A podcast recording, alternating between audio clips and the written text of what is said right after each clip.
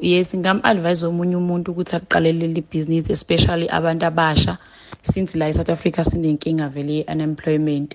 So ngingasho ukuthi this business is close leyo gap leyo ukuthi awusebenzi uyakwazi ukuzenzela ucash uyakwazi futhi ukuzenzela ukhanda amanye amathuba omsebenzi.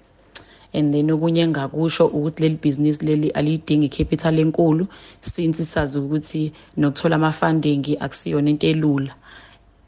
Noma vele ngeke ngisho ukuthi aliyidingi i-funding liyayidinga ukuze ukwazi ukukhula uthenge ezinye izinto futhi ey'suke ey'dingela ukuthi ibhizinisi lakho lisimame. But uyakwazi ukuqala from ngento encane ukhule ukhule ukhule.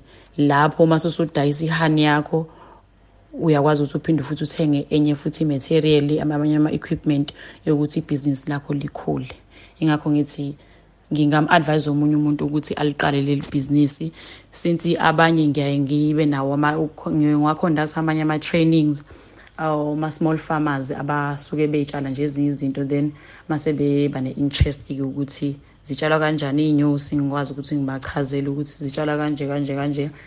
And then imarket nakhona futhi ngingasho ukuthi imarket yakhona inkulu because ababaningi abantu abatshala iy'nyosi.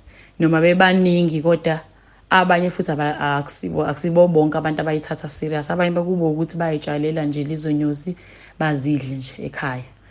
Kodwa ukuthi ngithathe mina ngikwenze kube yibhizinisi ngabuka in future ukuthi lingayenza kungaba ibhizinisi eli-right ngakwazi futhi ukuphila ngalo.